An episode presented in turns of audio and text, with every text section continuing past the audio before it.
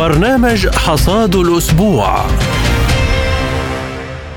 ومن سبوتنيك في موسكو نرحب بكم مستمعينا في كل مكان وأهلا بكم إلى هذه الحلقة من حصاد الأسبوع. نقدمها لكم أنا نغم كباس. وأنا فرح القادري وفي حلقة اليوم نتناول إحباط هجوم أوكراني في سوليدار وخيرسون وأرتيوموفسك والناتو يعترف بصعوبة المعركة.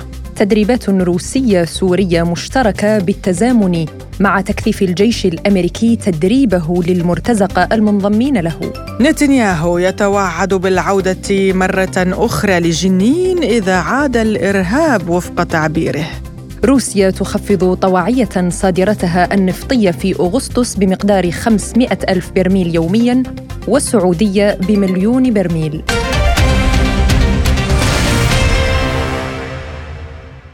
نبدأ التفاصيل من إحباط القوات الروسية لهجوم أوكراني على محاور سوليدار وخيرسون وأرتيوموفسك ما أدى إلى تكبد العدو خسائر كبيرة في القوات البشرية والتقنية. وقال قائد وحدة في المجموعة لوكالة سبوتنيك لقد دمرت قوة مجموعة دنيبر الروسية القوات الأوكرانية في اتجاه خيرسون بضربات استباقية ما أفشل خطط مهاجمة مواقع القوات الروسية الاستطلاع الجوي ويجري على مدار الساعة دون انقطاع عيوننا في السماء بشكل مستمر. ولمناقشة هذا الموضوع ينضم إلينا عبر الهاتف الخبير العسكري الاستراتيجي الجنرال عمر المعربوني أهلا بك جنرال في برنامج حصد الأسبوع. تحياتي لكم تحياتي للجميع.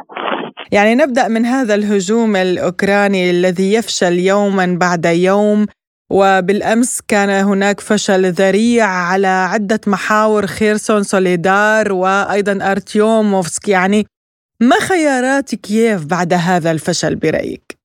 تحياتي لكم مجددا وللمستمعين الكرام. في الحقيقة هو ليس هجوما مضادا هو مجرد هجمات انتحارية لأن هذه الهجمات التي أعد لها إعدادا كبيرا من قبل الجيش الأوكراني والغرب الجماعي سواء عبر حشد العديد البشري الكبير أو يعني عبر حشد ما يلزم من المعدات العسكرية آه، لم يؤدي أي نتيجة يعني. وبالتالي حتى المراقبين الغربيين يعني مستاءون بشكل كبير آه، من نتائج هذه الهجمات التي لا يمكن وصفها آه، يعني عبر التكرار إلا بالهجمات الانتحارية لأنها تؤدي إلى خسائر كبيرة جدا وفادحة في العديد البشري للقوات الأوكرانية وأيضا يعني في المعدات الغربية.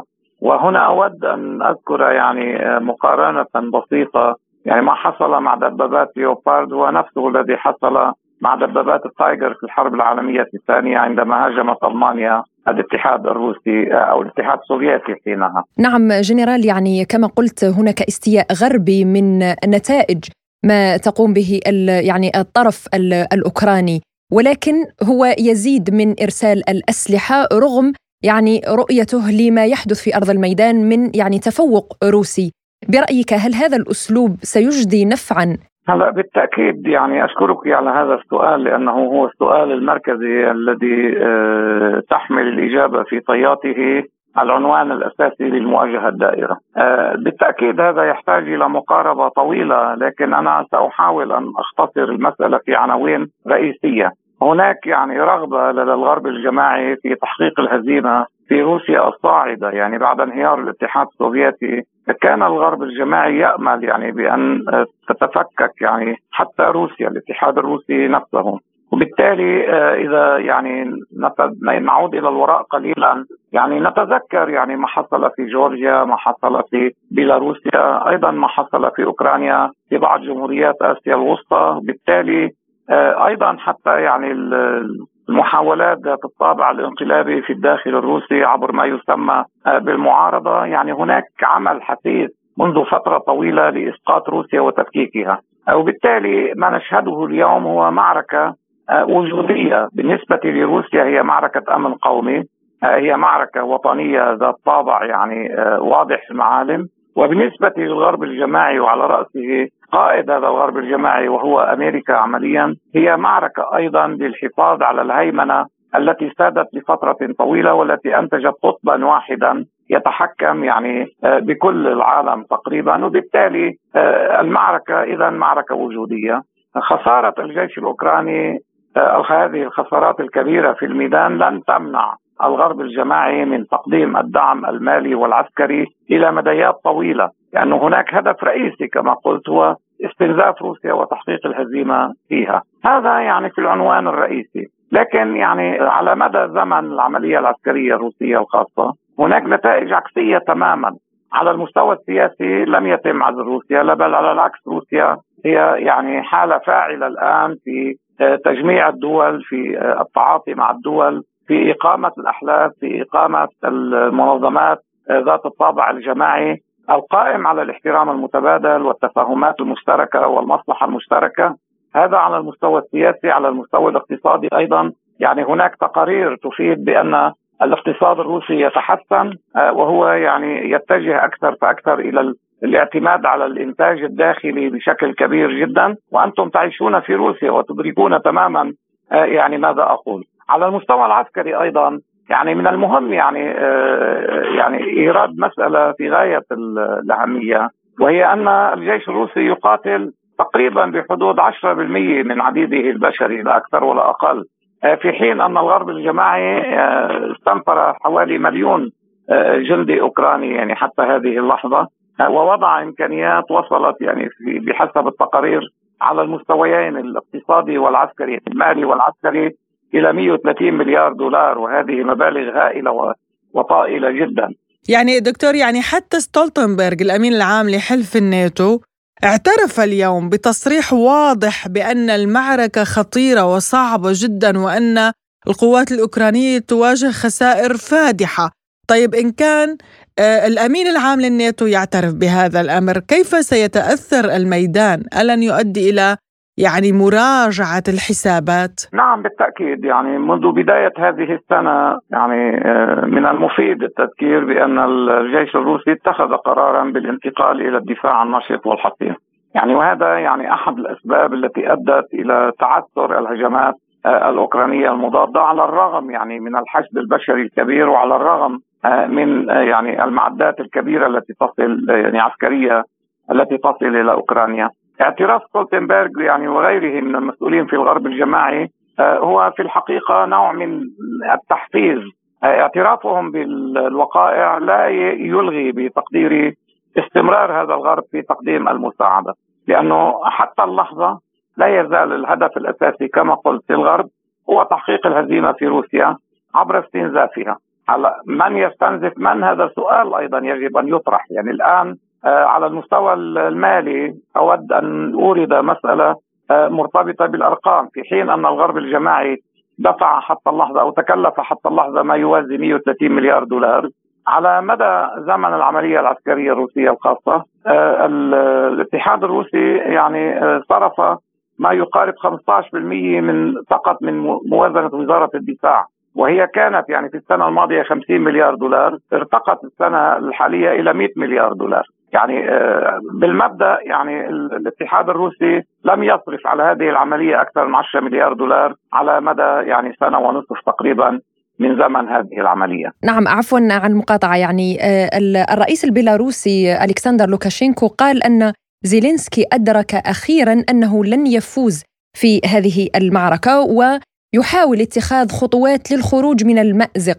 يعني برأيك هل المفاوضات أصبحت قريبة؟ لا لا أعتقد أن المفاوضات قريبة لأنه قرار الذهاب إلى المفاوضات ليس قرارا أوكرانيا بحتا.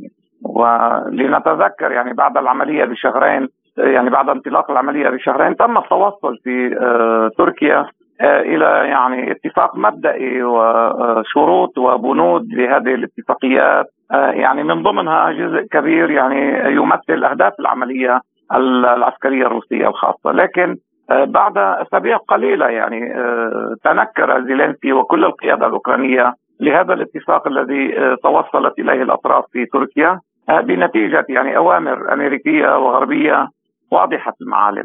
على هذا الأساس طالما أن قرار أوكرانيا في يد الغرب الجماعي لا يمكن الكلام عن مفاوضات خصوصا ان مستويات يعني الاستفزازات إن كانت ليست مفاوضات دكتور يعني ما هي اذا الخطوات التي يمكن أن يتخذها زيلينسكي للخروج من المأزق؟ ليس هناك يعني آه، خطوات يمكن أن يتخذها آه، زيلينسكي في في الحقيقة لأنه بتقديري هذه العملية العسكرية مستمرة وستستكمل.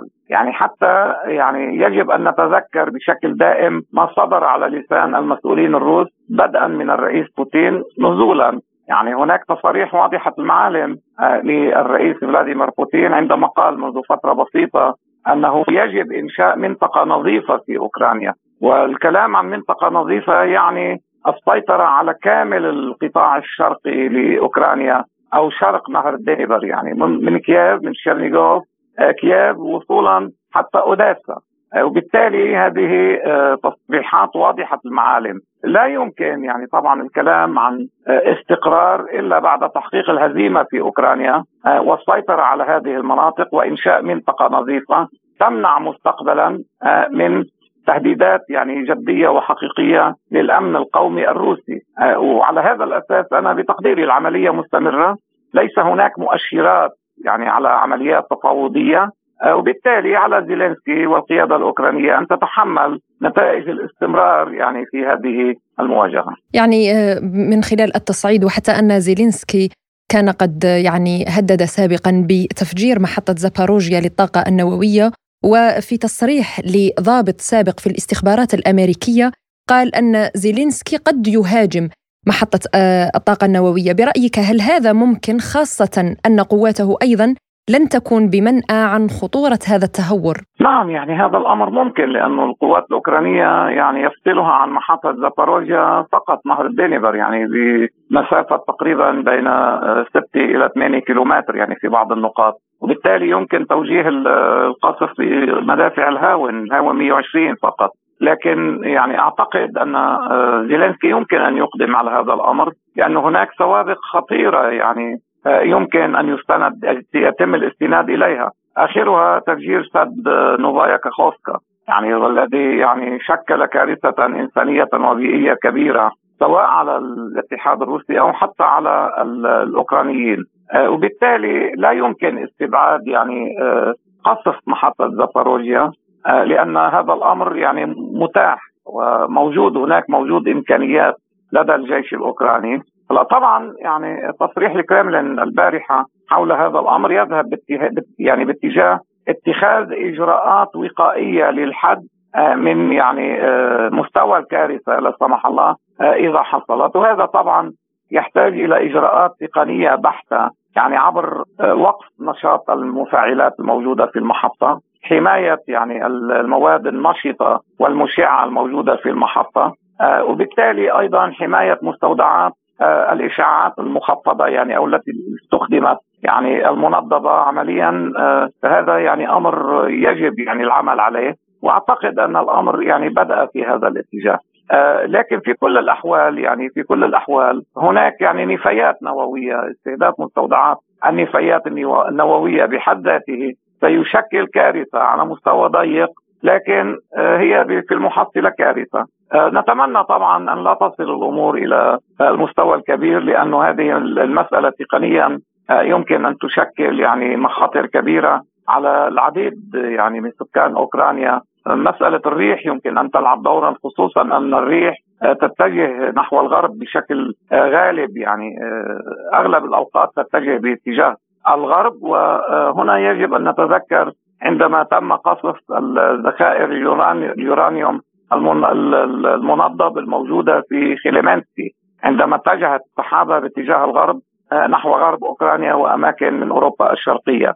آه، وبالتالي يعني هذا أمر يعني يجب على الغرب الجماعي اولا أن يدرك مخاطره على أوروبا الشرقية وعلى أوكرانيا آه، بالنظر إلى يعني طبيعة الرياح وطبيعة يعني وجود المفاعلات الستة. يعني هي أكبر محطة ذريه كهربائية كهربائية يعني موجودة في أوروبا. انطلاقا من هذه المسألة أعتقد أن الأمر يجب أن يؤخذ على يعني محمل الجد وأن يتم التعامل مع هذه المسألة آه، بجدية وعدم الاستهتار بها. نعم نشكرك الخبير العسكري الاستراتيجي الجنرال عمر المعربوني على هذه المداخلة، شكرا لك. شكرا جزيلا لك. ومن إرهاب نظام كييف في أوكرانيا إلى الإرهاب الأمريكي في سوريا حيث كثفت قوات التحالف الدولي المزعوم الذي يقوده الجيش الأمريكي من عمليات التدريب والمناورات العسكرية في قواعدها غير الشرعية في البادية السورية وحقول النفط والغاز والمنافذ الحدودية مع العراق بعد دمج أعداد جديدة من المرتزقة والإرهابيين إلى التشكيلات العسكرية الموالية لها خصوصا ما يسمى جيش سوريا الحرة في منطقة التنف. وقالت مصادر محلية مطلعة لوكالة سبوتنيك إن هذه التدريبات جديدة من نوعها حيث استخدمت فيها الأسلحة الثقيلة وتم تدريب المرتزقة والإرهابيين الجدد المنضمين حديثا إلى صفوف ما يسمى جيش سوريا الحرة الواجهة الجديدة لتنظيم مغاوير الثورة السورية وتنظيمات أخرى موالية لبريطانيا على أسلحة صاروخية قد تكون سلمتها للتنظيم بعد انتهاء التدريبات في منطقة ال 55 كيلومتر في أقصى بادية محافظة حمص المحاذية للعراق. بالتزامن مع هذا التطور تجري القوات الروسية السورية تدريبات مشتركة إذ قالت وزارة الدفاع الروسية تجري القوات مع سلاح جو الجمهورية العربية السورية المرحلة الأولى من التدريبات المشتركة. ويتم ممارسة سيطرة المجال الجوي في سوريا وفحص كفاءة نظام الدفاع الجوي التابع للقوات الروسية بالإضافة إلى الطيارين. ويشارك في التدريبات وحدات الحرب الإلكترونية لممارسة رد الهجمات الجوية المفترضة كما ستستمر التدريبات حتى منتصف يوليو تموز الجاري. وللمزيد حول هذا الموضوع ينضم إلينا عبر الهاتف من دمشق الخبير العسكري والبرلماني السوري السابق مهند الحاج علي. أهلا بك أستاذ مهند في برنامج حصاد الأسبوع. يعني نبدأ من آه، ما تقوم به القوات الأمريكية، الجيش الأمريكي يدرب تشكيلات إرهابية جديدة في سوريا، برأيك ما أسباب وأهداف هذا الفعل؟ طبعا في البداية تحية لكم، آه، بكل تأكيد نحن نعلم أن اليوم الولايات المتحدة الأمريكية هي خارج التسويات التي تحدث على المستوى الإقليمي، يعني هناك مصالحات عربية سورية، هناك مصالحة سورية تركية برعاية إيرانية روسية، كل هذا المشهد الولايات المتحدة الأمريكية عمليا هي بعيدة عنه، صحيح أنها تحاول التدخل هنا وهناك ولكن الجميع بات يلمس ويلحظ الضعف في الإدارة الأمريكية الموجودة حاليا، لذلك اليوم تعمل الولايات المتحدة الأمريكية على تعقيد الموقف ميدانيا. من خلال كما أعلنت سابقا على تشكيل ما يسمى بجيش سوريا الحرة وهو مجموعة من الفارين عن القانون وفلول تنظيم داعش الإرهابي ومجموعة من الكرد والعشائر العربية في منطقة التنف تقوم بتدريبهم لطبعا تصديرهم للمجتمع الدولي على أنهم بين قوسين ما يسمى معارضة معتدلة، كون أنها لا تستطيع تحويل جبهة النصرة أو جماعة أبو محمد الجولاني في محافظة أدلب إلى معارضة معتدلة، كون أن هذا التنظيم هو وفق قرارات مجلس الأمن هو تنظيم إرهابي، لذلك تسعى أمريكا إلى إيجاد ما يسمى بمعارضة معتدلة مسلحة من خلال هؤلاء وطبعا لكي يقوموا بتنفيذ هجمات ضد المقاومين في منطقة الجزيرة لعدة أسباب، السبب الأول والأساسي طبعا لتعقيد المشهد السياسي وزيادة الضغط على سوريا وحلفائها. السبب الآخر اليوم نحن لاحظنا منذ عدة أشهر حتى الآن هناك غرفة عمليات مشتركة للمقاومة تضم ضباط من الجيش العربي السوري والمقاومة اللبنانية والعراقية وطبعا من من المستشارين الإيرانيين. تقوم بتنفيذ ضربات ردا على اعتداء الاعتداءات الكيان الصهيوني على النقاط الغير شرعية الأمريكية وخاصة في قاعدة مكان حقل العمر النفطي وغيره ووقعت خسائر كبيرة لدى الأمريكان ضمن المتعاقدين مع الولايات المتحدة الأمريكية وبالتالي أمريكا تريد أن تستخدم هؤلاء لترد، طبعا اليوم البارحة تسرب خبر وهو مهم جدا أيضا أن أمريكا تسعى إلى استثمار قسم من هؤلاء من المقاتلين الأكراد الذين تسميهم مقاتلي الحرية وطبعا بعض المقاتلين من العشائر العربية الذين يتعاملون مع الولايات المتحدة الأمريكية لدعم زيلينسكي في أوكرانيا. وهي اليوم تقوم بتدريبهم في سوريا لنقلهم فيما بعد براتب يصل للفرد الواحد 2000 آه، دولار. ومن أجل ترغيبهم للانتقال للقتال لهناك كون انها أوكرانيا بعد إعلانها انتهاء ما يسمى بالمرحلة الأولى للهجوم الذي أطلقته ضد القوات الروسية وفشله فشلا ذريعا، لذلك هي بحاجة إلى دعم في العديد كونها تكبدت خسائر فادحة النازيون الجدد الذين يقودهم زيلينسكي. لذلك يبدو أن أمريكا اليوم تبحث في أوراقها من قبل هؤلاء المرتزقة لدعم زيلينسكي هناك. آه، وبشكل عام أمريكا تريد أن تستثمر بالنار وتضغط بالنار على ما يحدث في سوريا لكي تزيد من الضغط عليها وتمنع الانفراجات والانفتاح الاقتصادي الذي ممكن أن يحدث بين سوريا ودول الجوار وخاصة مع العراق، هي تريد استمرار تحقيق الفصل الجغرافي البري بين سوريا والعراق من خلال نشر هذه التنظيمات الإرهابية ومهاجمة أي قوافل تجارية ممكن أن تقوم آه، على أساس تبادل السلع بين سوريا والعراق، لذلك أنا برأيي اليوم الولايات المتحدة الأمريكية هي تريد زيادة من الضغط، طبعا الجيش العربي السوري يقوم بمناورات آه، بشكل مستمر مع حلفائه وخاصة مع الجانب الروسي. يعني أستاذ مهند القوات الروسية السورية أيضا تجري تدريبات مشتركة الآن. آه، بعد معلومات استخباراتية بأن الاستخبارات الأوكرانية والأمريكية في المنطقة ستجن هجمات على الجيش الروسي والقوات الروسية في سوريا.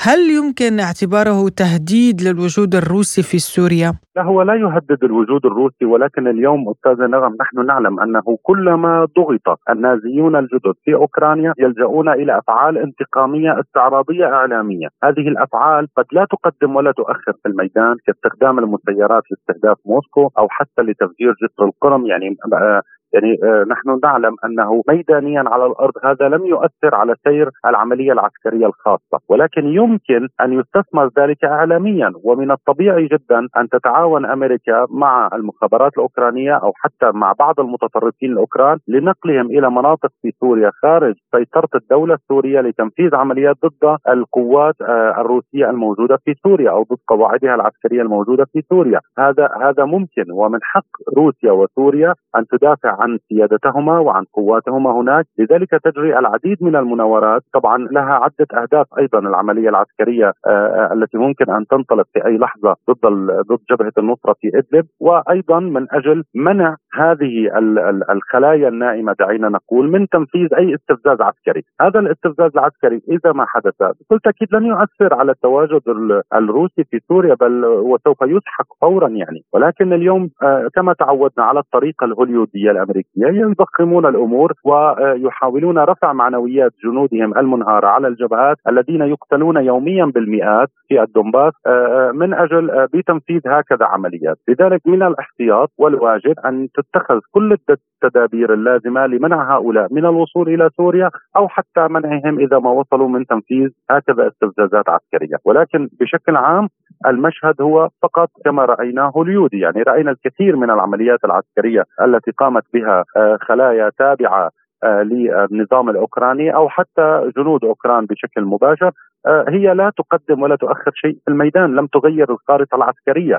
يعني لن تؤدي إلى تغيير أي شيء في الخارطة العسكرية في المشهد الحالي، ليس فقط في أوروبا الشرقية بل حتى على المستوى الشرق الأوسط، ولكن يمكن أن يستثمر هذا اعلاميا وبكل تأكيد نحن آه، نريد أن نفوت عليهم الفرصة في هذا وخاصة يعني أنه أيضا التهديد لا يأتي فقط من الجانب الأوكراني بل حتى من جبهة النصرة، رأينا منذ أسبوع تقريبا كيف أنه استخدمت جبهة النصرة مسيرات لاستهداف قوات روسية في قاعدة حميمين وتم طبعا بكل تأكيد التنسيق مع مخابرات الجيش العربي السوري لتنفيذ ضربات مشتركة بسلاح الجو العربي السوري و طبعا الجو الفضائي الروسي لتوجيه ضربة إلى قيادات آه، جبهة النصرة وكانت ضربة موجعة جدا. وهذا أيضا أدى إلى إرباك جبهة النصرة التي قامت بسلسلة اعتقالات في إدلب منذ آه، آه، البارحة وأول أمس. شملت أكثر من 80 قياديا في مختلف الفصائل الإرهابية المسلحة واتهمته بالتعاون مع الجيش العربي السوري ومع روسيا أي إيصال معلومات أو حتى يعني إرسال إحداثيات في اماكن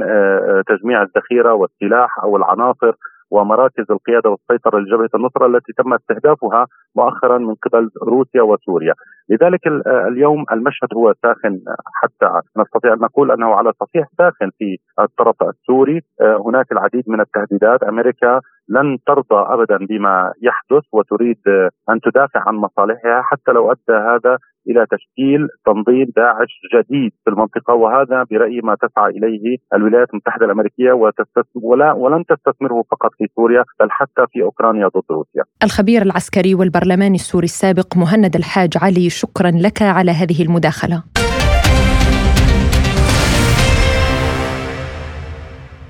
وإلى أبرز ما وقع هذا الأسبوع في الشرق الأوسط وإلى أحداث مدينة ومخيم جنين وعمليات التهجير التي قامت بها السلطات الإسرائيلية لأكثر من ثلاثة آلاف فلسطيني وعمليه الاعتقال والمواجهة. هذا وتوعد رئيس الوزراء الإسرائيلي بنيامين نتنياهو بالعودة إلى مخيم جنين مرة أخرى بشكل أكبر وأسرع من ذي قبل إذا عادت مدينة جنين إلى الإرهاب على حد تعبيره. بدوره أعلن حازم قاسم الناطق باسم حركة حماس أن العملية البطولية في تل أبيب هي الرد الأولي على جرائم الاحتلال ضد الشعب الفلسطيني في مخيم جنين مؤكدا أن هذا تطبيق لما أكدت عليه المقاومة وأن الاحتلال سيدفع ثمن جرائمه ضد مخيم جنين ونشد على أيدي أبطال شعبنا والمقاتلين في جنين.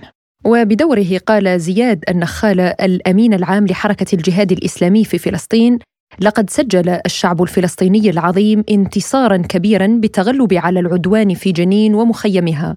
قادت كتيبة جنين ومقاتلوها البواسل بكل شجاعة وبطولة في هذا الانتصار العظيم وأثبت الشعب الفلسطيني بوحدته وتضامنه مع المجاهدين قدرته على هزيمة العدو في كل مواجهة يخوضها. من معركة سيف القدس إلى معركة وحدة الميادين ومعركة ثأر الأحرار وصولا إلى جبال جنين. من جانبها أعلنت جامعة الدول العربية أن العملية الإسرائيلية في جنين انتهاك واضح للقانون الدولي وتنذر بعواقب وخيمة حيث قال مندوب فلسطين لدى الجامعة العربية إن الشعب الفلسطيني يتعرض لحرب إسرائيلية تحت أبصار العالم والعملية الإسرائيلية في جنين تقلص فرص إحياء عملية السلام وأن الانتهاكات الإسرائيلية تدمر حل الدولتين. مشيرا إلى أن حل الدولتين يتحقق فقط بقيم دولة فلسطينية ذات سيادة. عن أسباب انسحاب الجيش الإسرائيلي من جنين قال المستشار السياسي والقانوني زيد الأيوبي لسبوتنيك يعني بداية اسمحي لي أن أحيي شعبنا وأهالي جنين وأهالي مخيم جنين على هذا الصمود الأسطوري الذي سطروه في مواجهة الآلة العسكرية الإرهابية الإسرائيلية خصوصا في الساعات الأخيرة حيث أثبت الأهالي وأثبت شعبنا بشكل عام أنه قادر على المواجهة وقادر على الصمود وقادر على كسر شوكة هذا الاحتلال الإسرائيلي.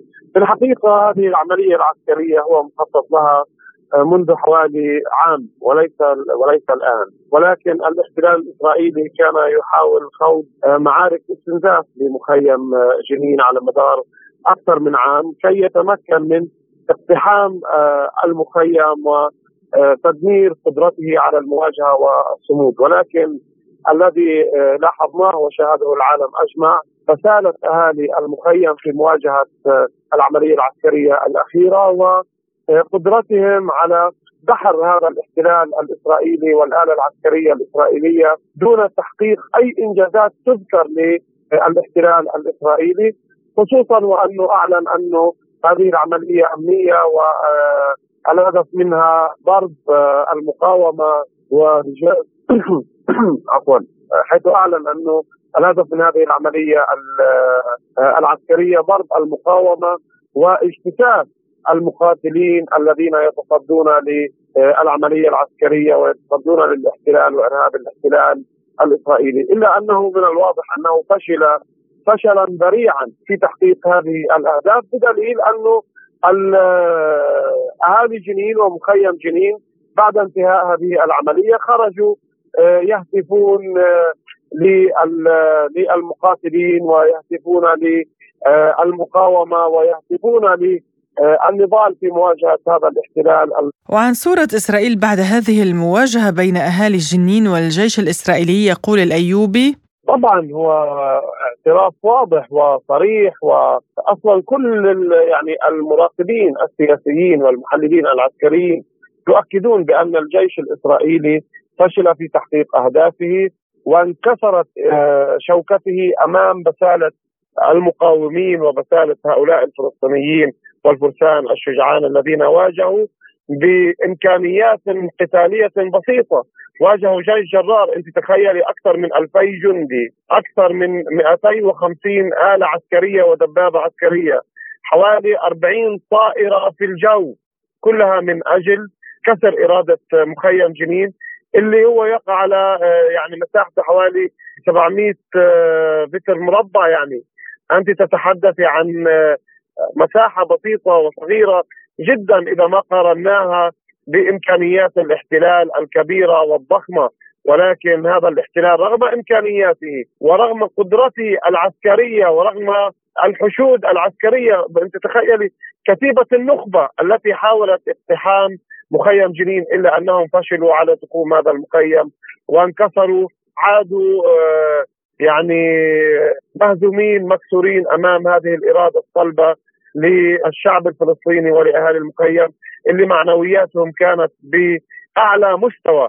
يعني الاحتلال الإسرائيلي ليس لم يشن معركة عسكرية فقط حاول أن يشن معركة نفسية أيضا إلا انه هؤلاء آه، الأبطال وهؤلاء الفرسان أثبتوا قدرتهم على المواجهة وعلى الصمود وواجهوا بمعنويات عالية وسطروا نصرا كبيرا مؤزرا في مواجهة هذا الاحتلال وفي مواجهة جحافل حقيقيه لعساكر الاحتلال وانتصر المخيم وانتصرت إرادة المخيم وانتصرت إرادة المقاومة والشعب الفلسطيني الآن مصمم لا زال مصمم على المواجهة ولا زال مصمم على الاستمرار في النضال حتى تحقيق كل تطلعاته السياسية وعلى رأسها إقامة الدولة الفلسطينية وعاصمتها القدس الشريف. وعن مصير الثلاثة آلاف فلسطيني الذين تم تهجيرهم يقول الأيوبي يعني أولا نحن آه، حقيقة نلاحظ أنه آه، الأطراف الفاعلة في المجتمع الدولي وخصوصا الولايات المتحدة الأمريكية هم يعني خليني أحكي لك آه، يكيلون بمكيالين هم ذاتهم الذين أعطوا الضوء الاخضر للاحتلال الإسرائيلي لمهاجمة المخيم.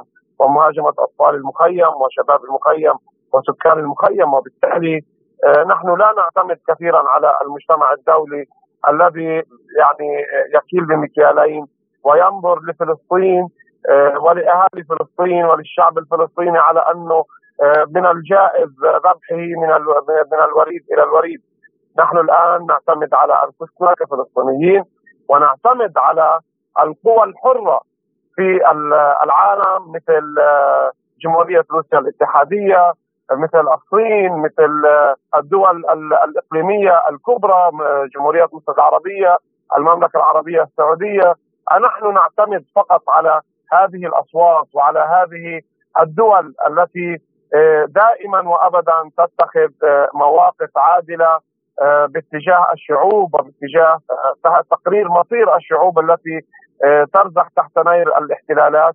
ونعتمد دائما على الذين يقدمون الدعم كل الدعم للقضية الفلسطينية بشكل عادل ودون الحصول على مكاسب سياسية، يعني عندما نقول الموقف الروسي المتقدم آه، من القضية الفلسطينية ومن الشعب الفلسطيني، الموقف الصيني المتقدم من القضية الفلسطينية ومن آه، معاناة الشعب الفلسطيني، المواقف آه، المصرية، المواقف السعودية تجاه القضية الفلسطينية، كل هذه مواقف عظيمة وعادلة وحرة يقدمونها للشعب الفلسطيني دون طلب أي ثمن سياسي لها. يعني بعكس الأمريكان الذين إذا أرادوا تقديم أي موقف سياسي يطلبون مباشرة مقابل سياسي، نحن آه، على أحرار العالم في دعم القضية الفلسطينية. ولا نولي أي اهتمام لمواقف بعض الدول الأوروبية والأمريكية والأمريكية تحديدا آه، لأنه نعلم أن هؤلاء يؤيدون الاحتلال الإسرائيلي ويرعون ويحتضنون ويحتضنون آه، إرهاب هذا الاحتلال الإسرائيلي لكن لا زلنا نؤمن بأنه الضمير العالمي حي والضمير العالمي قادر على إنصاف شعبنا في مواجهة هذا هذا الاحتلال. وحول الرسائل من هذه العملية أي عملية تل أبيب قال الكاتب والمحلل السياسي ناصر حماد لسبوتنيك. هذه العملية في تل أبيب وهي العملية المزدوجة. رد طبيعي على رد طبيعي على عمليات الجيش الإسرائيلي وإرهاب المستوطنين في الضفة الغربية وأن الشعب الفلسطيني لن يسكت على إرهاب الجيش الإسرائيلي وإرهاب الدولة المنظم اتجاههم وترحيل سكان مخيم جنين وعمليات القتل المتواصلة على مدار اليوم. وهذا لن يقبل به الشعب الفلسطيني. وحيث أن العملية هي تبعث عدة رسائل. الرسالة الأولى رفض الاحتلال وأن يد المقاومة هي طويلة أينما وجدت. والرد والرسالة الثانية هي إلى نتنياهو. وقطعان المستوطنين كفى إرهاب كفى قتل كفى إجرام كفى حرق هذه السياسة التي تتبعها الحكومة الإسرائيلية وإرهاب المستوطنين هي هي سياسة مرفوضة بشكل كامل ونحن لن نقبل بهذه السياسة وهي رسالة واضحة إلى نتنياهو واجتماعه في الكابينت وسياسته اتجاه جنين وما يقوم به من ترحيل وتهجير وقتل. ونحن كالشعب الفلسطيني هي يد طويلة تقدر أن تقوم ما لا تتوقعه الأجهزة الأمنية. والرسالة الثالثة هي إلى بريطانيا وأمريكا التي تشجع الإرهاب التي تشجع الإرهاب في كل العالم وتشجع الإرهاب ضد الشعب الفلسطيني الأعزل. هذه الرسالة إلى الولايات المتحدة على ألا تكيل الولايات المتحدة بمكيالين، بمكيال اتجاه الإسرائيلي ومكيال اتجاه الفلسطيني، وكفى عنف وكفى تأييد لهذا الإرهاب في جنين من قبل بريطانيا وأمريكا. بدوره أكد عضو اللجنة المركزية لجبهة التحرير الفلسطينية الدكتور سفيان مطر لسبوتنيك أن الفلسطينيين اعتادوا على الموقف الأمريكي تجاه القضية الفلسطينية. يعني أولا عودتنا الأمم المتحدة وما يسمى بمجلس الأمن وهذه المؤسسات الدولية التي أصدرت كثير من القرارات لصالح القضية الفلسطينية والتي تدين تدين الاحتلال تدين إسرائيل على مثل هذه الجرائم التي ترتكبها. كان آخرها هذه الجريمة وما زالت ترتكب إسرائيل الجريمة الحالية والآنية باقتحام مخيم جنين وسقوط وارتقاء العشر عشر شهداء وما يزيد عن عن 100 جريح منهم 20 جريح بحالة خطيرة وتهجير السكان نحو نكبه جديدة مدعومة من الولايات المتحدة الأمريكية وبريطانيا حيث أصدرت وزارة الخارجية الأمريكية بيانا توضح فيه بانه على إسرائيل الحق في الدفاع عن أنفسها. لذلك يعني هذا الموقف الأمريكي الذي اعتدنا عليه كفلسطينيين بأن تقف دائما بجانب الاحتلال الإسرائيلي في في السماح له بارتكاب مزيد من المجازر ضد الشعب الفلسطيني وأبناء المخيمات ولذلك نحن لا نستغرب من هذا الموقف من قبل الإدارة الأمريكية ومن بريطانيا. والذي أكدت عليه كذلك اجتماعات القيادة الفلسطينية بالأمس حيث هناك مجموعة من القرارات التي اتخذت في هذا الاجتماع من ضمن هذه القرارات تقنين العلاقة مع الولايات المتحدة الأمريكية باعتبارها شريك في الجريمة التي ترتكبها دولة الاحتلال وجيش الاحتلال ضد أبناء الشعب الفلسطيني في مخيم جنين. كذلك هناك دعوة من قبل القيادة الفلسطينية للأمناء العامين من أجل عقد اجتماع عاجل للأمناء العامين من أجل آه، وضع استراتيجية وطنية في مواجهة هذا العدوان آه، على كل الصعد سواء الصعيد الدبلوماسي السياسي أو الأمني أو يعني مختلف الصعد من أجل لجم دولة الاحتلال عن ارتكاب مزيد من الجزاء من المجازر بحق أبناء الشعب الفلسطيني. وأشار الدكتور سفيان إلى الأسباب الحقيقية ودوافع إسرائيل لتهجير الفلسطينيين من جنين قائلا بالتأكيد القضية الوطنية الفلسطينية لها عدة ثوابت. من هذه الثوابت نحن كشعب فلسطيني من هذه الثوابت هي قضية اللاجئين. ومخيم جنين هو أحد المخيمات الموجودة في الضفة الغربية وهو عنوان للتهجير عنوان للنكبة التي حدثت وارتكبتها هذه الجريمة.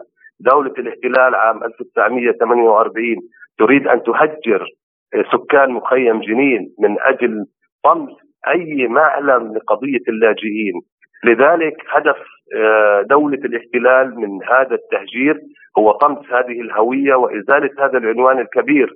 والذي يعتبر هو أهم ثابت وجوهر الصراع بين الفلسطينيين والإسرائيليين حيث أن قضية اللاجئين آه، هي قضية مركزية بالنسبة للشعب الفلسطيني.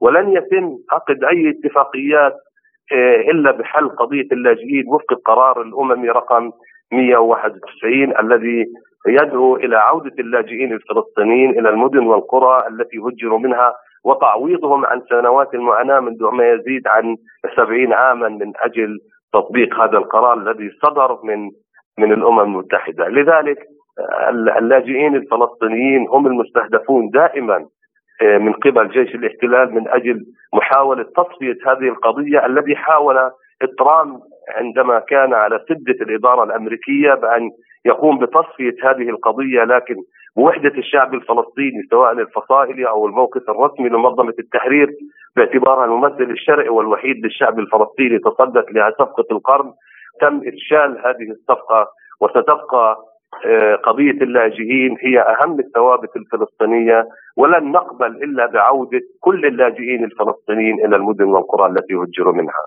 وعن أصداء القصف العسكري لقطاع غزة وسط مخاوف من حرب جديدة مع المقاومة الفلسطينية هناك يقول عضو اللجنة المركزية لجبهة التحرير الفلسطينية لسبوتنيك آه، دائما آه، في البداية هناك دائما دراسة شاملة ووافية لكل ما يجري سواء في الضفة الغربية أو في قطاع غزة.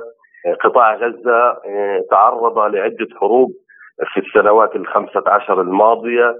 تم ارتقاء كثير من الشهداء وكثير من هدم البيوت والجرحى وكل هذه الحروب التي مورست وشنت من قبل دولة الاحتلال على قطاع غزة.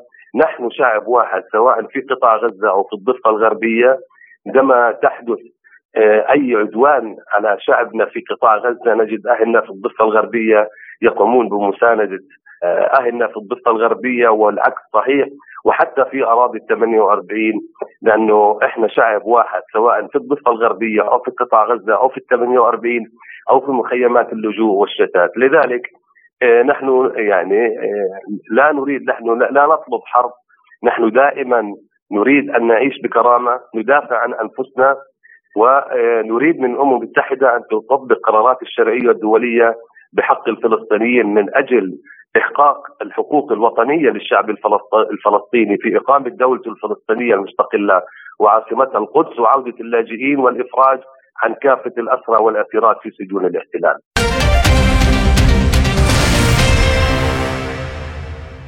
وفي الاقتصاد وإلى أسواق النفط حيث صرح نائب رئيس الوزراء الروسي ألكسندر نوفاك أن روسيا ستخفض طواعية صادراتها النفطية في أغسطس بمقدار 500 ألف برميل يوميا لتحقيق التوازن في سوق النفط كما أعلن مصدر مسؤول في وزارة الطاقة السعودية أن المملكة ستمدد الخفض التطوعي البالغ مليون برميل نفط يوميا. ودعما لجهود السعودية وروسيا لتحقيق الاستقرار في الأسواق أعلنت وزارة الطاقة الجزائرية خفض إنتاج النفط طوعيا بمقدار 20 ألف برميل يوميا في الفترة بين 1 و 31 أغسطس آب المقبل. وذلك فيما قال وزير الطاقة والبنية التحتية الإماراتي سهيل المزروعي إن أي تراكم في المخزون النفطي العالمي قد يؤدي إلى عدم الاستقرار وارتفاع نسبة المضاربات في الأسواق العالمية. وحول أهمية هذا الخفض وانعكاساته على السوق العالمية قال الخبير الاقتصادي البروفيسور مراد كواشي لسبوتنيك اذا أعتقد أن أوبك بلس أصبحت الآن أكثر من أي وقت مضى أكثر صلابة وقراراتها تحظى بالإجماع والتأثير على السوق الدولية. مجموعة الأوبك بلس التي تسيطر على 40% من السوق الطاقوية. لاحظنا أنها تملصت من السيطرة الأمريكية وأصبحت الآن ربما منذ اجتماعات عديدة تتخذ قرارات جريئة وقرارات شجاعة. هدفها الاساس هو المحافظه على توازن السوق والمحافظة على استقرار الأسعار. أعتقد أنه بسبب تباطؤ نمو الاقتصاد الصيني لاحظنا خلال الأشهر الماضية تراجع طفيف في أسعار. وأعتقد أن هذه القرارات من مجموعه من كل من طرف تخفيض من روسيا والسعودية والجزائر. أعتقد أن هذه القرارات تخدم استقرار السوق النفطية واستقرار الأسعار وتخدم بشكل أكبر مصالح الدول المصدرة للنفط. أعتقد أن هذه القرارات لن تج... لن تعجب الولايات المتحدة الأمريكية ولن تعجب تعجب منظمة الطاقة العالمية لكن آه، هي قرارات تصب في مصلحة الدول المصدرة والمنتجة وهي قرارات تهدف إلى الحفاظ على استقرار الأسعار وعلى توازن السوق. وأشار البروفيسور كواشي إلى الدول المرشحة لتنضم أيضا للجزائر في هذا الخفض. نعم نعم. أعتقد أن عدد كبير من مجموعة الدول أوبك بليس الآن متضامنة فيما بينها وقراراتها قراراتها ربما مشتركة آه، وأتوقع أن يكون هناك دول أخرى مصدرة على غير خاصة مثلا نذكر العراق وحتى إيران إلى غير ذلك. أعتقد أن هذه الدول من شأنها أن تخفض في حجم الإنتاج من دولة الإمارات دولة الكويت. أعتقد أن منظمة الأوبك الآن هي أكثر من أي وقت مضى تماسكا وقراراتها مشتركة وجماعية وتخدم المصلحة الجماعية لجميع الدول المنتجة والمصدرة. كما قلت سابقا هذه القرارات لن تعجب بعض الأطراف لن تعجب مثلا الحليف التقليدي الذي كان صديق الأمس بالنسبة للسعودية وهو المملكة العربية السعودية. لكن أعتقد أن المملكة العربية السعودية الآن تملصت من السيطرة الأمريكية وأصبحت تتخذ قرارات أكثر شجاعة وتبعتها دول أخرى منتجة على غرار كل من الجزائر وروسيا ونتوقع أيضا دول عربية أخرى إن شاء الله. وفيما يتعلق بردود فعل الولايات المتحدة التي منذ البداية رفضت الخفض وهددت بفرض عقوبات على الدول التي قامت به بما في ذلك السعودية قال البروفيسور كواشي أعتقد يا أستاذة أن زمن الهيمنة الأمريكية قد ولى ومضى وزمن العقوبات قد ولى ومضى وإذا كانت الولايات المتحده الأمريكية لديها الشجاعة لا أفطرت على هذه الدول قبل أن تتخذ قراراتها. هي مجرد تلويح ومجرد شعارات فقط.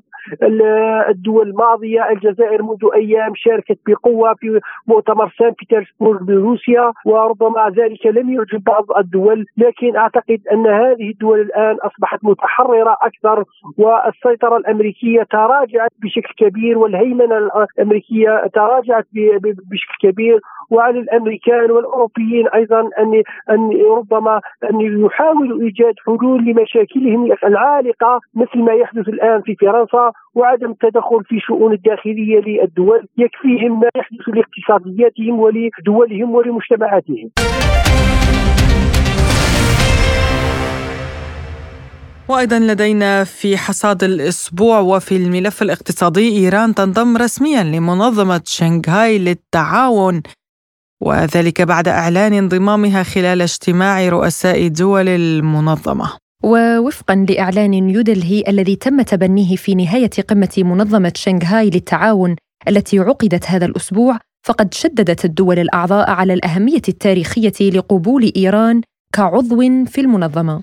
من جانبه أعرب الرئيس الإيراني إبراهيم رئيسي عن الامتنان لانضمام بلاده إلى المنظمة مشيرا إلى أن تلك الخطوة ستمنح طهران الفرصة لتحقيق تنمية اقتصادية مستدامة وستوفر منصة لضمان الأمن الجماعي. هذه المنظمة التي انطلقت بأهداف متواضعة لتعزيز الثقة العسكرية وخفض الوجود العسكري على حدود خمسة من أعضائها ينمو دورها كثيرا بعد 23 عاما على تأسيسها وإيران تصبح رسميا العضو التاسع في منظمة شنغهاي للتعاون وعن المكاسب التي ستحققها إيران من انضمامها للمنظمة قال الخبير بالشأن الإيراني الدكتور صالح القزويني لسبوتنيك يعني لا شك هناك عدة أبعاد يمكن ومكاسب يمكن أن تستفيد منها إيران من خلال انضمامها إلى القمة أو منظمة شنغهاي للتعاون.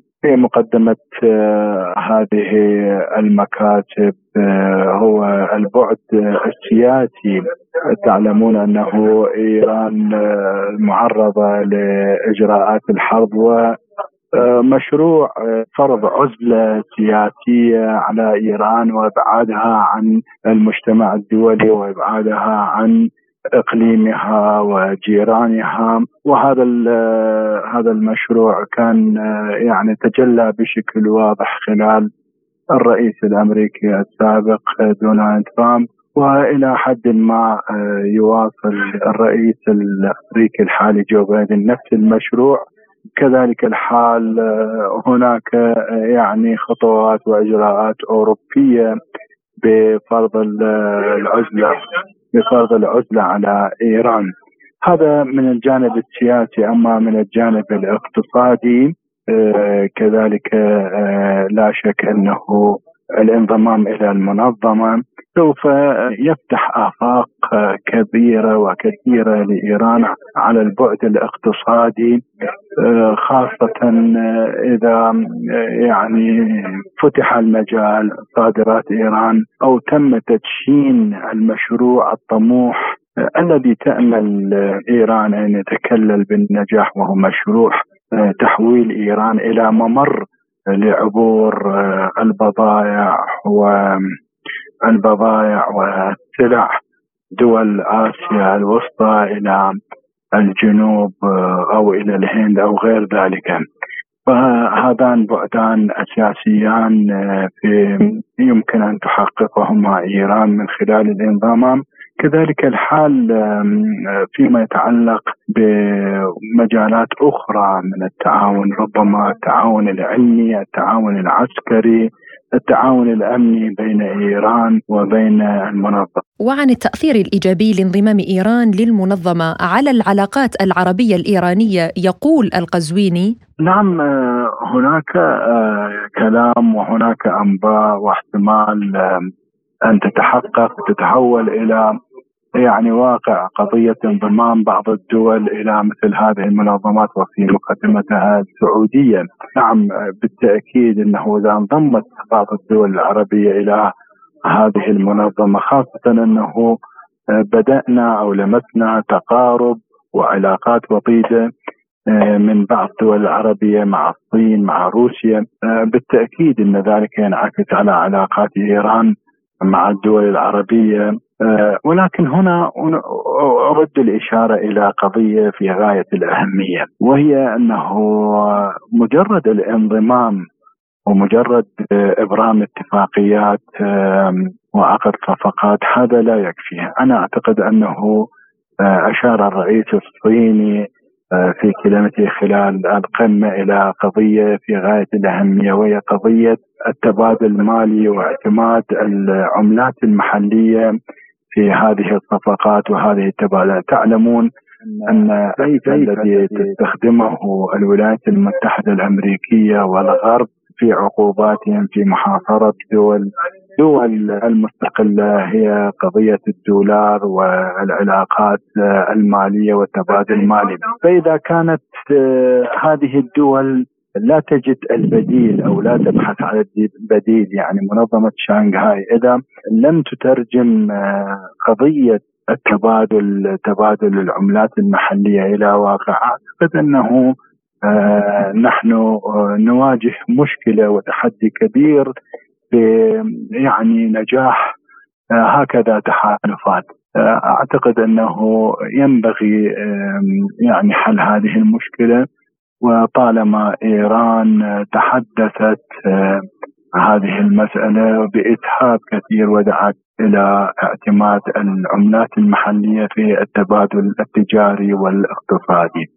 وعن الدور المتوقع لمنظمة شنغهاي على الساحة العالمية في تحقيق عالم متعدد الأقطاب يقول القزويني. يعني أشير إلى إلى قضية فيما يتعلق بهذا السؤال الذي تفضلتم به وهو سؤال مهم وهو وهي أنه لولا الإجراءات الظالمة التي يتخذها تتخذها بعض القوى العالمة وخاصة الولايات المتحدة الأمريكية آه، تجاه الدول المنافسة لها أو تجاه الدول التي لا تريد فرض هيمنتها عليها. لما شهدنا آه، ولادة أو تقوية تحالفات إقليمية آه، كتحالف قمة شانغهاي يعني لنقل أن هذه المنظمة منظمة شانغهاي هي رد آه، طبيعي للغاية على الإجراءات غير العادلة وإجراءات الظالمة للغرب وخاصة إجراءات الحظر والعقوبات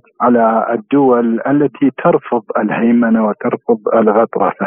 نعم كما تتفضلون إن ولادة هذه المنظمة يمكن أن تكون منافس رئيسي آه، بل المنافس الأول وربما اللاعب الأول في المستقبل في العالم خاصة أنه هناك الكثير من الأعمال كثير من أعمال الدول المستقلة تأخذها على آه، هذا التحالف. آه، نعم آه، لما لا لما لا يكون تكون هذه المنظمة هي المنظمة الأولى في العالم.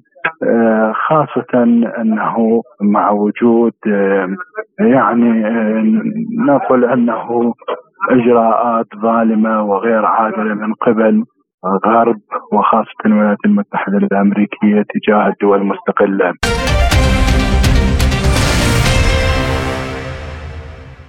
ونختم حصاد الأسبوع بملف مخيم الهول فبالرغم من الإعلان منذ سنوات عن هزيمة تنظيم داعش الإرهابي المحظور في روسيا وأغلب دول العالم في العراق وسوريا إلا أن معضلة مخيم الهول ظلت باقية وتنمو طوال الفترة الماضية. وأصبحت هذه المسألة تمثل خطورة كبرى على بغداد ودمشق بل والعالم أجمع. ما جعل حكومة رئيس الوزراء العراقي محمد شياع السوداني تطالب بعقد مؤتمر دولي لحل الأزمة قبل فوات الأوان. فما المخاطر التي يمثلها مخيم الهول الذي يأوي عائلات تنظيم داعش على كل من سوريا والعراق والمنطقة والعالم بشكل عام. حول هذا الموضوع يقول الخبير بالجماعات المسلحة حسام شعيب لسبوتنيك يمثل مخيم الهول مشكلة ومعضلة آه، لسوريا والعراق ولكل الدول التي آه، تخشى من الإرهابيين لا سيما من تنظيم داعش. نعلم جميعا أن مخيم الهول يحتوي آه، على عائلات عناصر تنظيم داعش الإرهابي وهناك أطفال لأبناء هذا التنظيم وهم مجهولو النسب بالنسبة لآبائهم آه، كما أن هناك عدد كبير من النساء. وبالتالي آه، الخشية أيضا أن من ضمن سكان وقاطني هذا المخيم بعض عناصر تنظيم داعش الإرهابي. وبالتالي من الممكن أن يتحول هذا المخيم إلى قاعدة عسكرية أو إلى قاعدة انطلاق للعمليات الإرهابية باتجاه سوريا وباتجاه العراق. وبالتالي المعضلة هي ليست في إرادة الحكومة العراقية وإن كانت هي تدعو إلى مؤتمر أو تقوم بإجراءات لكن بتقدير المسألة تتعلق بإرادة الولايات المتحدة الأمريكية. كلنا يعلم أن الولايات المتحدة الأمريكية تضع أو تمارس طوقا حول هذا المخيم كي لا يكون هناك أي تواصل مع الداخل وأي معلومات متداولة آه، عن الداخل وعما يجري في الداخل. وبالتالي آه، الولايات المتحدة الأمريكية تريد أن تستثمر في هذه العناصر وهي حتى اللحظة آه، ترى أن هناك مصلحة في إبقاء هذا المخيم. آه، أنا أقول أنه آه، يشكل خاصره رخوة وخطيرة بالنسبة لسوريا والعراق، بل إنه يشكل خاصره رخوة لكل أرجاء المنطقة وبالتالي ما زال الإرهاب بعناصره وكوادره وأيضا بأفكاره وسيرورته مع الأبناء إضافة إلى الخطر الأكبر وهو وجود الخلايا النائمة والمتواجدة أساسا خارج مخيم الهول لذلك آه، نرحب بأي مؤتمر آه، بأي إجراءات بأي دعوة سواء تقوم بها الحكومة العراقية أم آه، يقوم بها أي عاصمة أخرى. يعني من غير المفهوم لماذا تصر هذه الدول الغربية على تدمير الشعوب من خلال الإرهاب؟ يعني أصبح الإرهاب اليوم واضحا في سوريا وفي مناطق أخرى وبدعم أمريكي مباشر. هم يحافظون على هذا المخيم ويمنعون تفكيكه ليصبح بؤرة آه، يعني مصدرة للإرهاب إلى جميع الدول التي يريدون إرسال هؤلاء آه، الإرهابيين إليها. لتهديد الشعوب وإخافتهم من خلال هذه المنظمات التي هم من اخترعوها وهم من وضعوها في آه، الدول التي عانت من الحرب التي بالنهاية يعني إذا تحدثنا عن سوريا من يعني قام بإفتعال وإشعال الفتنة بين يعني كحرب أهلية بين الشعب السوري. فيعني تنظيم داعش الإرهابي آه، هو تنظيم من أعمال آه، أمريكا وبريطانيا والدول التي لها مصالح في الشرق الأوسط. وبهذا نكون قد وصلنا وإياكم مستمعينا الكرام إلى ختام حلقة اليوم من برنامج حصاد الأسبوع. قدمناه لكم من استديوهاتنا في موسكو أنا فرح القادري. وأنا نغم كباس للمزيد من متابعتنا. زوروا موقعنا الإلكتروني سبوتنيك dot ae وأيضا قناتنا على تليجرام سبوتنيك عربي ويمكنكم أيضا الاشتراك بقناة Arab Point Podcast من خلال منصات التواصل الاجتماعي يوتيوب وفيسبوك وبودكاست وتويتر. إلى اللقاء.